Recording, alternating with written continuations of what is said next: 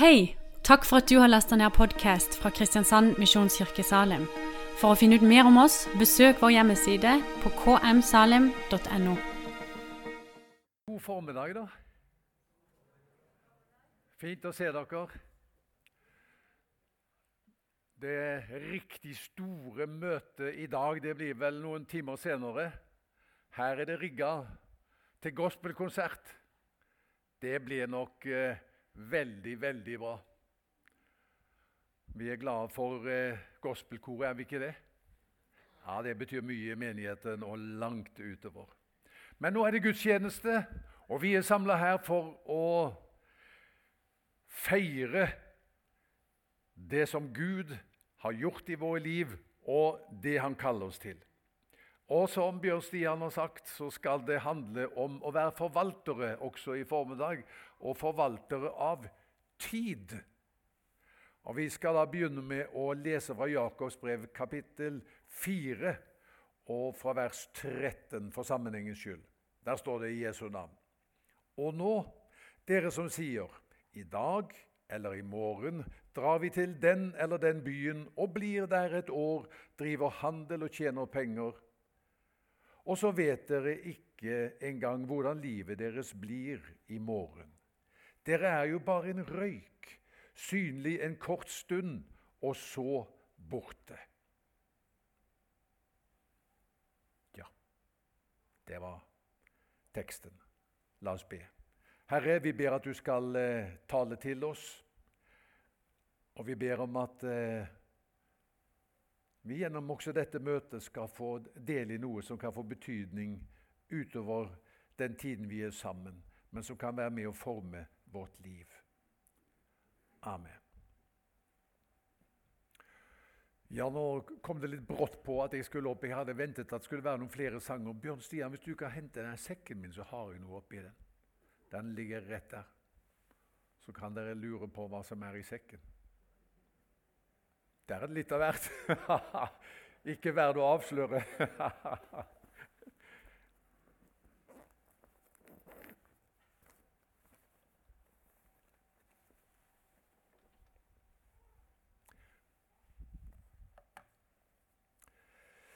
Så Bibelen sier at eh, tiden vår her på jorden er som en røyk. Livet vårt er som en røyk, synlig en kort stund og så borte. En kort stund.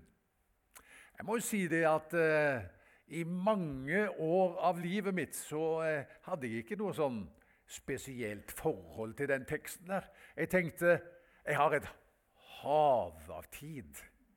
Livet det er altså så langt, tenkte jeg som ung mann. I dag er jeg 66, og så ser jeg at eh, hm, du verden så fort disse årene har gått. Forventet levealder for kvinner i Norge, vet dere hva den er? Noen og 80. Jeg har lest, iallfall i 2020 var det 85 år som var forventet levealder. Mennene de lever nok litt mer usunt. jeg vet ikke, lever kanskje litt hardere. Jeg vet ikke hva, hva det er med mennene. Men forventet levealder er 82 år. Litt kortere, det. Hvis vi gjør livet om Noen har levd lenger enn det her, enn 82. Er ikke det godt å vite? Dere har slått den der. Men hvis vi gjør livet vårt da om til et døgn, til, hvis vi gjør det om til 24 timer, hva er klokka di nå? Ja, er det noen som er 22 år her? Nei, det er bare så vidt. Da er klokka seks på morgenen. Da er det ikke tid for å stå opp enda en gang. Vi kan slappe av litt til. Er du 29? Er det noen på 29 her? Det er bare så vidt det òg, tror jeg. Hva er, klokka da? Da er den åtte på morgenen. Da går eh, vekkerklokka. Det er tid for å stå opp. 29 år? Ja, virkelig. Da er det tid for å ta fatt på arbeidsdagen. Er du 36? Da er klokka blitt 10. Er du 50? Har vi noen på 50 her? Ish. Hva er klokka, da? Du er 50. Gratulerer med dagen. Da er klokka di to på ettermiddagen. 14. Er du 64? Ja, jeg, begynner, jeg har jo passert det, da. Jeg er jo 66. Er du 64, så er klokka 18. Og eh, for meg da, så er den blitt eh, 18.30. Er du 74, da er klokka snart 21. Så stopper vi der. Men, men var ikke det klokt? Noen sa det var veldig bra at du stopper akkurat her. Men det er en annen måte også å illustrere dette her på. Det var en her i menigheten som var den jeg glemte i stad, så jeg måtte spørre til sekken. For vi kan jo gjøre livet vårt om til centimeter. Og så kan vi tenke et metermål da på Hvis vi sier da f.eks. Jeg setter sett den på én meter. Det er der. Og hvis vi sier at livet vårt, ett år, er én centimeter da er jeg Der er det 60. Da er jeg kommet dit. Og her er, der er 100. Min far da, han er 93. Så hvis jeg lever så lenge så Han har ikke tenkt å legge inn årene sine. Han skal bli 100, det er helt sikkert. Men hvis jeg lever dit, da, så er det veistykket der som jeg har igjen. Så kan vi jo tenke at uh, da kan vi få litt høye skuldre. Det begynner jo å bli litt kort tid igjen nå. Da er saken den, det må vi huske på, at uh, livet her på jorden, det er ikke alt. Evigheten, altså livet her på jorda, det er 80-90 år. Men evigheten er billioner av år. Dette er bare barnehagen. Dette er oppvarmingsbandet som vi får lov å være med på. Konserten begynner først i evigheten. Det vi driver på med nå, det er øvelseskjøringen. Ser du? Og Hvorfor jeg tok dette målbåndet her og ikke et vanlig metermål, det er jo det at det her, hvis jeg åpner den, så skjønner du det er skjult mer i, i, i den her. Her kan vi bare strekke ut og strekke ut og strekke ut. og strekke ut. Du tenker at, at det livet liksom det er, er slutt når man, eh, når man når liksom forventet levealder og rundt det. Nei, nei, nei. Det er ikke sånt. Dette er bare begynnelse. Likevel så er det da sånn at eh, i dag begynner resten av vårt liv her på jorda. Det kan vi være enige om. I dag begynner resten av vårt liv. Vi vet ikke hvor lenge vi skal leve her på jorden. Vi vet at det vil strekke seg ut i evigheters evigheter, og som jeg har sagt mange ganger, og det tror jeg på av hele mitt hjerte Når jeg lukker øynene for siste gang her på jorden, da er det bare for å åpne dem igjen hjemme hos Jesus. Det tror jeg på. Hele mitt hjerte. Derfor er det ikke skummelt å bli gammel. Noen syns det er skummelt å bli gammel. Og noen syns synd på de døde, står det i Bibelen. Det er synd på de døde. Har du lest det noe sted? Ja, det står 'salige er de døde'. Paulus sa 'jeg har lyst til å fare her for å være med Kristus'. Det er så mye, mye bedre. Så tiden går ikke, tiden kommer. Det beste ligger foran. Men ok, nå skal vi ha fokus på det som er tema. Hvordan eh, være gode forvaltere av tiden som vi har her på jorden. Og Da er det fire spørsmål som kan være til hjelp. Og Nå får vi se hvor god tid de har til å eh, berøre alle de. Men de fire spørsmålene er, som du, du, kan tenke over, som vil være viktige når du tenker i dag begynner resten av mitt liv. Hvordan skal jeg bruke tiden? Hva skal være ditt livs sentrum? Og to, hvilken karakter skal du utvikle? Tre, hva skal du bidra med? Fire, hvilket budskap skal lyde fra ditt liv? Det er viktige spørsmål. Og Svarer du godt på det, håper å si, så vil den tiden som ligger foran, kort eller lang, være veldig meningsfull og betydningsfull for deg. Så vi får la Bibelen være vår guide når vi skal svare på disse spørsmålene. For det første hva skal være ditt livs sentrum? Det står i Markus 12, 28 at en fariseer Eh, eller, eh, eller person iallfall, kommer til Jesus. Og så spør han hvilket bud er det første av alle. Jesus svarte det første budet er dette. Hør, Israel, Herren vår Gud, Herren er én. Du skal elske Herren din Gud av hele ditt hjerte og av hele din sjel og av hele ditt sinn og av all din kraft. Det andre er dette. Du skal elske din neste som deg selv. Ikke noe annet bud er større enn disse. Så hva er det første bud? Hva er det største bud? Jesus sier du skal elske Herren din Gud. Det er det første, det er det største. Så da tenker jeg som så Om vi ikke får gjort så mye annet da, på den levetiden som vi har igjen, så sørg i alle fall for at, at du får tid til dette. Å elske Gud. For Jesus sa det er det første, og det er det største. Rett etter at eh, Jesus svarer på dette spørsmålet i Markus 12, så fortsetter han en undervisning egentlig om seg selv. Han fortsetter en undervisning om Messias. Og så sier han de skriftlærde tenker for smått om Messias. Hør hva han sier. og Nå er vi i Markus 12, 35. Mens han underviste på tempelplassen, tok han til orde og sa:" Hvordan kan de skriftlærde si at Messias er Davids sønn? David selv har jo sagt ved Den hellige ånd:" Herren sa til min Herre:" Sett deg ved min høyre hånd til jeg får lagt dine fiender under dine føtter. David selv kaller ham herre. Hvordan kan han da være Davids sønn? Det som Jesus her sier, det er det at eh, David De tenkte jo, de skriftlærde, at eh, Messias var Davids sønn. Men Jesus sier David kalte ham jo herre. Og Hva er det Jesus vil si oss med det når han sier David kalte ham herre? Jo, rett før så har han sagt hva som er det største og det første. Hva som er det viktigste, hva vi i alle fall må få, få på plass.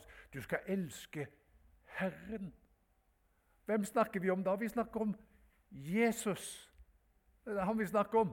Du skal elske Jesus av hele ditt hjerte og av hele din sjel og av hele ditt sinn og all din kraft. Sørg for at du får det på plass.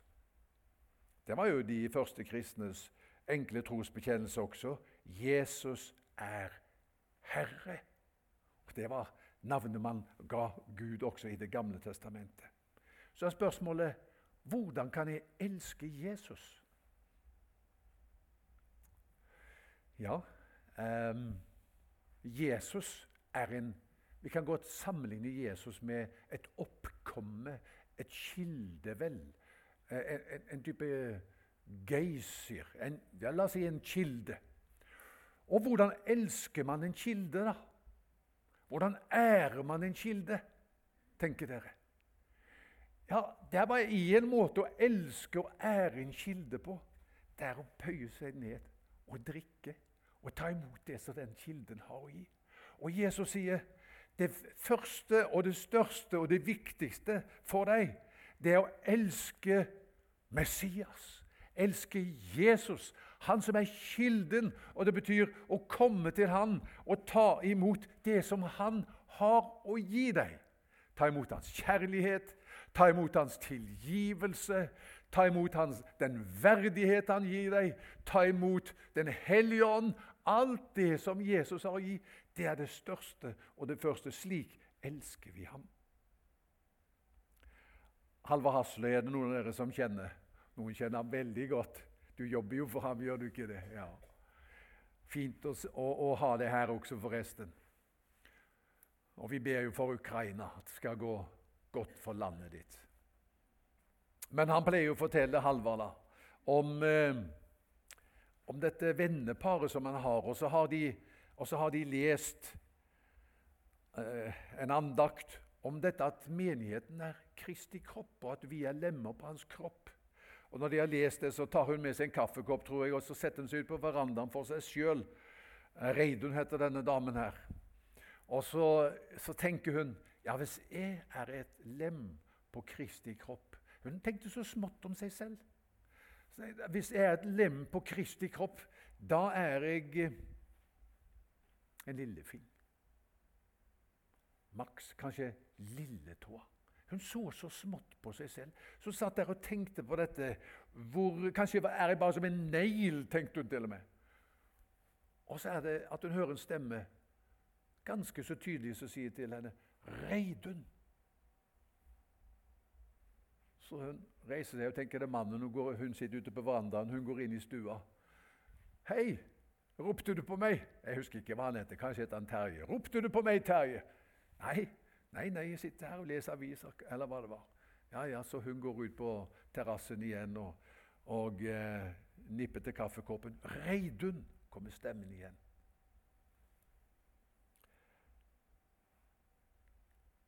Og så skjønner hun det er Jesus som snakker til henne. Så sier han, 'Reidun, tror du jeg kjøpte deg på billigsalg?'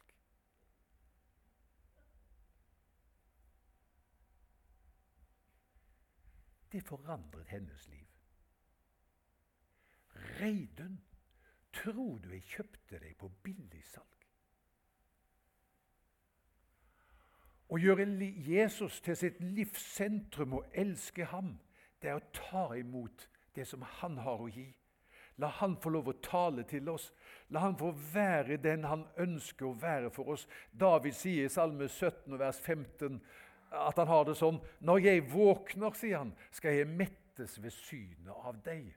Og Slik er det å ha Jesus som sentrum i sitt liv også. Når du våkner til en ny dag, så mettes du ved synet av ham. Og Du kan si også hva folkene sa eh, om Jesus i Markus 7, 37. Alt han har gjort, er godt. Og Det vil du kunne da se på i ditt eget liv. Alt han har gjort, er godt. Gi Jesus plass i ditt liv. La han være den første og den største. På kveldsmøtet i går et fint kveldsmøte. For øvrig så sang lovsangsteamet Jeg vet ikke om det er noen jeg kan ikke se det er noen fra lovsangsteamet her i dag. Så sang de I will make room for you. Do whatever you want to.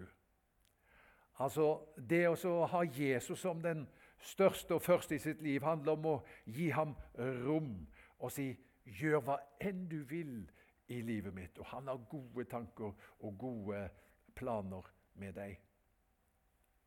Jeg husker Altså, som kristne så gjør vi jo det. Vi gir jo ham rom. Men jeg tenker at det er en tid nå der dette kanskje er viktigere enn noen gang. At vi tenker nå må jeg gi rom for ham. Han kom til sine egne, hans egne tok ikke imot ham, leser vi i Johannes 1. Juleevangeliet handler om det var ikke rom for ham i herberget. Og Jeg tenkte på det når jeg hørte ungdommene synge. Å ha Jesus som den første og den største, det handler om å gi rom for ham. La ham få tale til meg. La ham få prege meg. Jeg husker eh, vi bodde i Trondheim, og så drev jeg og studerte litt i eh, USA. Så jeg reiste mange ganger over til Chicago, og vi var i eh, jeg var elev eller student på Trinity International University i Chicago. Og så På søndagen da var det ikke noe som skjedde, så jeg tenkte la meg gå på møte. Så gikk jeg til en, eh, til en, eh, en eh, menighet i Vinjar-bevegelsen som het uh, Evanston Vinjard. Det er en forstad til Chicago, Evanston. Og da jeg kom inn på det møtet, så må jeg bare si at eh, vi har vært på mange møter, har vi ikke det? Kolossalt mange møter. Det står i Johannes 10.10 10, 'Jeg er kommet for at skal ha liv og overflod'. Og, og, eh, Noen tenker at det kanskje like godt kunne stått 'Jeg er kommet for at jeg skal ha møter og møter i overflod'. Men, men vi har vært på mange møter. Men så er det noen møter som bare Det er et før og et etter. Det var et sånt møte. Møtet var egentlig ikke kommet ordentlig i gang. Lovsangerne var begynt å synge, og jeg står der i døra og, og eh, har litt problemer med å finne rett og slett en plass. Det er mye folk, og det er en sånn atmosfære. Jeg har fortalt dette antagelig før, så noen av dere hører, har, har, hørt. Og så tenkte jeg sånn er det ikke i mitt. Sånn er det ikke der jeg er pastor nå. Det, å, å, bli møtt med den atmosfæren, det er gudsnærvær. Sånn er det ikke der jeg er nå. Det var den, den følelsen jeg hadde. Og jeg tenkte du er pastor for denne menigheten. Det er ditt ansvar. Og når jeg kom hjem, sa jeg til Bente Bente, jeg tror jeg må reise noen dager eh, vekk. Så reiste jeg på um, til Nordvestlandet. Jeg tror det heter Brattvåg der oppe som jeg var. Bodde hos noen folk jeg kjente. og, og hadde noen dager i bønn og faste. Og da, Akkurat som ungdommene sang i går, det var det som var, det traff meg sånn. De sang I will make room for you. Do whatever you want to. Og sånn, sang jeg, sånn snakket jeg også med Jesus. Herre, jeg vil gjøre rom for deg. Gjør hva enn du vil med livet mitt. Hadde noen dager der oppe i fjellet, bøyde kne i lyngen, søkte Gud, skapte rom, tok imot Hans ord, tok imot Hans kjærlighet, Hans veiledning. De dagene der i Brattvåg de skapte rom for ham i mitt liv. Det skapte en helt ny virkelighet også i den tjenesten og den menigheten som jeg var i. Og jeg tenker vi lever i en tid nå, dere, som er så potent på en måte.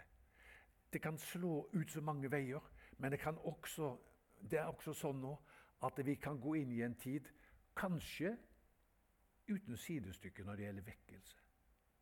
Og Da handler det om for deg og meg at vi tenker i dag begynner resten av mitt liv. Hva er viktig da fremover nå? La Jesus være ditt livs sentrum. Ta imot det han har å gi. Gi rom for ham. Det var punkt én. Punkt to det hopper jeg over. Det handler om hva slags karakter skal du utvikle. Det handler om å bli lik Jesus. Tilbringer du tid med ham, så vil du bli mer lik ham. Jeg har ikke tid til det. Men punkt tre hva vil du bidra med? Ok, i dag, resten av mitt liv, begynner i dag. Hva skal jeg bidra med? Ofte tenker vi ja, men nå er jo jeg Jeg sier jo det til folk Hva gjør du, Bagge? Jeg er blitt pensjonist. Det er ikke helt, uh, helt riktig, men uh, på en måte er det jo riktig. da. Men eh, vi kan tenke ok, nå har det meste av livet gått. Og kanskje ta litt til noen i formene og tenke nå får andre overta. Som han karen som jeg kjenner, som eh, han hadde strevd litt som pastor, og det, det, hadde ikke gått så greit, så han bestemte seg for det nå for andre. Han tok seg en annen jobb, og så, og så, eh, så sa han det at eh nå får yngre krefter overta. Så sier, Og dette snakker jeg om i familien. Og så sier guttene hans 'Pappa, i natt hadde jeg en drøm.' 'Hadde du en drøm?' 'Jeg hadde en drøm.' Hva drømte du da? Jeg drømte at Jesus banka på døra vår. Og så sa, så sa du, pappa Nei, nå får andre overta. Sa jeg virkelig det, sa pappaen. Ja, du sa nå har jeg gjort mitt, nå får andre overta. Gjorde jeg det? Det ble en omvendelse i livet for uh, denne pastoren som hadde tatt en annen jobb. Og han kom inn i en tjeneste som var så rik og betydningsfull. Så ikke tenk som så at uh, ja, nå har jeg liksom så lite å bidra med og så lite å tilføre. Vet du hva? Gud har en tanke og en plan for deg også nå.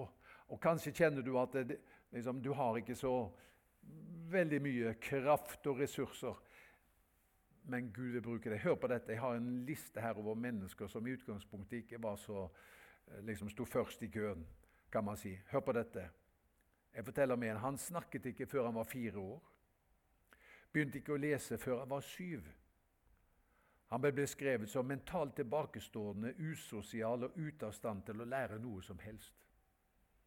Hvem har jeg beskrevet nå? Albert Einstein. Hør på denne. I en etikktime presenterte læreren elevene for et etisk problem. Mannen i familien har tyfelis, moren har tuberkulose. Av de fire barna de har fått, er én død, og de andre tre har en dødelig sykdom. Nå er hun blitt gravid igjen. Hva bør hun gjøre? Og Da sier klassen hun bør ta abort. Det er greit, sa læreren. Da har dere nettopp tatt livet av Ludvig van Beethoven. Om en ung gutt sa de han er for dum til å lære noe som helst. Det var læreren som sa det, faktisk. Vel, om denne dumme gutten ikke kunne lære noe som helst, ble det siden sagt følgende Han oppfant i livet sitt 1093 ting, eide flere patenter enn noen annen i verden, eh, anskaffet seg en ny patent hvert år i 65 år. Oppfant lyspæren, diktafonen, filmkamera, filmprosjektor, automatisk telegraf, karbontelefonen telefonen og alkaliebatteriet.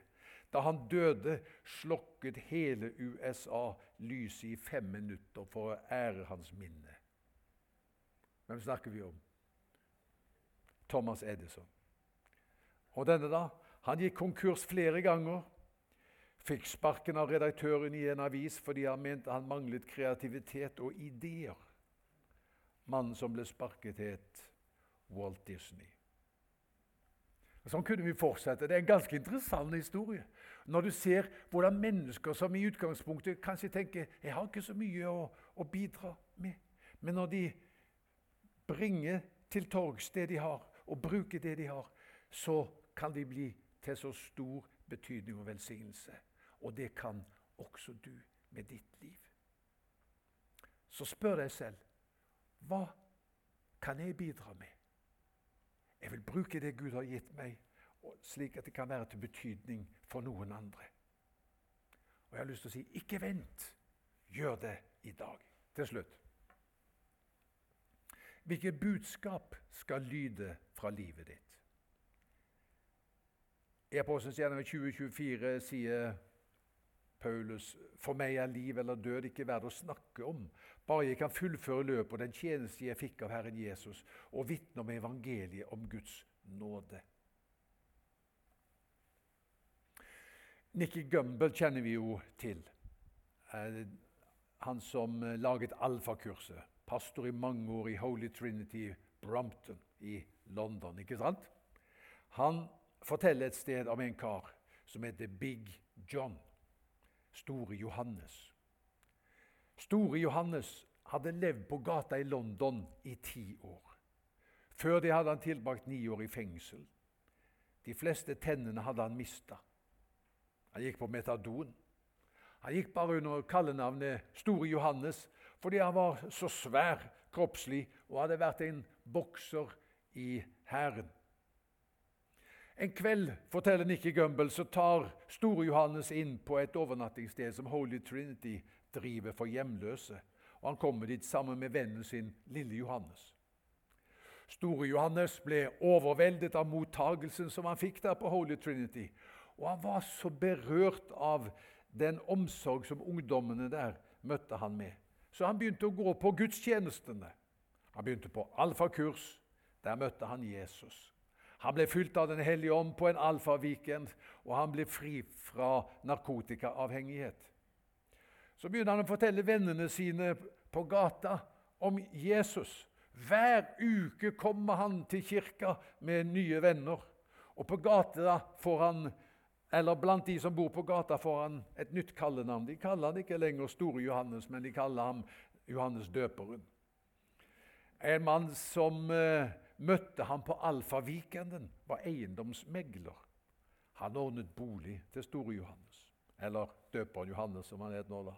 Et annet medlem som var tannlege, satte gratis inn nye tenner i munnen hans. og Det må ha vært en stor jobb.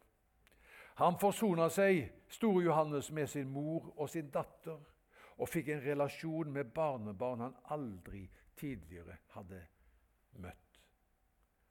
For store Johannes var det å møte Jesus så livsforvandlende. Tenk å være med på det. Kan vi se det i Norge? Noe lignende. Det som Jesus betydde for store Johannes i London, det er det så mange i vår generasjon og i vår leve, Ikke vår generasjon, liksom, eh, oss som er her, men si, i vår levetid, da, som lengter etter. Vi følger jo litt med på det som skjer i Amerika, for eksempel, gjør vi ikke det? Og ser hvordan det smitter. Dette som begynte i Asbury, vet du. Asbury University, der det er en vanlig skoleandakt. Og eh, etterpå så er det en 30-40 av disse ungdommene som ikke vil gå hjem eller gå til timen, men de fortsatte i bønn og lovprisning. Og det, De som hadde vært på skoleandakten så hadde gått til timen, de går tilbake. Og, og, dette her fortsetter jo dag og natt. Vi har lest om dette. Og eh, eh det, det varer jo i 16 dager. Og da er det at, eh, at eh, skoleledelsen må si til, til hele verden stopp dere må ikke komme til Dette er en liten by, Wilmer, tror jeg den heter. Det er 5000 innbyggere. Det er to trafikklys i den byen. Og det kom i løpet av to uker 50 000 mennesker som, som ville få med seg det som skjedde der i dette auditoriet på uh, Asbury University. Som altså pågikk dag og natt. Det var ingen stjernepredikanter, ingen røykmaskiner, ikke masse lys, ikke uh, flotte lovsangsband veldig, veldig enkel lovprisning og bønn som studentene selv um, tok eh, hånd om. De bekjenner sine synder, vender om, blir helbredet, blir født på ny, noen av dem òg. Og Dette har bredd seg til mange college og, nå er det, og universiteter. Og nå er det vel spring break i USA. Og mange steder så er det slik at unge sier vi vil heller være hjemme og be og søke Gud og, og, og be om vekkelse. Hva er det som skjer? Ja, De som eh, prøver å forstå dette, sier at det er de som Gud gjester på en spesiell måte nå, det er generasjon Z, Gen Z som det kalles i Amerika. De som er født mellom 1997 og 2012. Om dem sies det de har arva en kaotisk verden. Og Man har gjerne sagt om dem de er ikke åndelig interessert, ikke mottagelige for evangeliet. De er uten håp, er noen som har sagt, og de har ingen karakter eller ryggrad. Hør, i Amerika er det sånn at tre av fem tenåringsjenter i denne, født mellom 1997 og 2012 sier de bærer på en varig tristhet. Én av tre har vurdert selvmord. Nettopp nå er det i den generasjonen en åndelig oppvåkning som finner sted. Er det ikke fantastisk? Vi har den samme generasjonen i landet vårt. Og de trenger evangeliet om Jesus. Noen må forkynne det for dem. Noen må fortelle dem det. Og Noe som jeg syns har vært gøy da, når jeg har sett på dette her, denne video fra dette, her, så ser jeg jo at det er masse ungdom. Og så ser jeg blant dem noen som er grå i håret, og som er litt lutne i ryggen, og som er med å lede i vekkelsen på en måte, og, og veilede og er med i forbundstjeneste osv. osv.